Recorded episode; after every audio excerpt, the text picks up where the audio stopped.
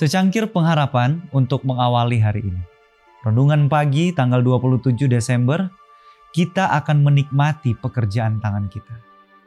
Yesaya 65 ayat 21 dan 22. Mereka akan mendirikan rumah-rumah dan mendiaminya juga.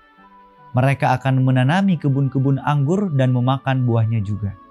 Mereka tidak akan mendirikan sesuatu supaya orang lain mendiaminya, dan mereka tidak akan menanam sesuatu supaya orang lain memakan buahnya. Sebab umur umatku akan sepanjang umur pohon, dan orang-orang pilihanku akan menikmati pekerjaan tangan mereka. Di bumi yang dijadikan baru, orang-orang yang ditebus akan terlibat dalam pekerjaan dan kesenangan yang membawa kebahagiaan kepada Adam dan Hawa pada permulaan dahulu kala. Kehidupan Eden akan dihidupkan, kehidupan di taman dan kebun. Mereka akan mendirikan rumah-rumah dan mendiaminya juga. Mereka akan menanami kebun-kebun anggur dan memakan buahnya juga. Sebab umur umatku akan sepanjang umur pohon, dan orang-orang pilihanku akan menikmati pekerjaan tangan mereka.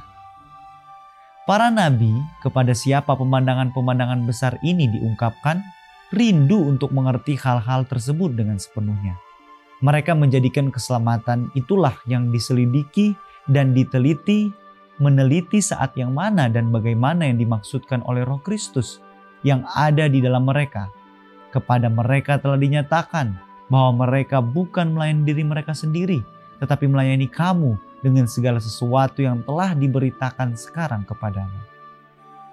Adalah bagi kita yang sedang berdiri tepat di ujung dari kegenapan segala perkara itu, terhadap saat yang sangat mendalam itu, dari segala tujuan hidup rancangan-rancangan mengenai perkara-perkara yang akan datang ini dimaksudkan yakni peristiwa-peristiwa yang olehnya sejak orang tua kita yang pertama melangkahkan kaki mereka dari Eden telah dinanti-nantikan, dirindukan dan menjadi doa anak-anak Allah. Doa kita hari ini.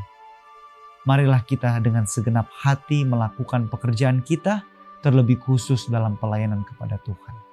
Amin.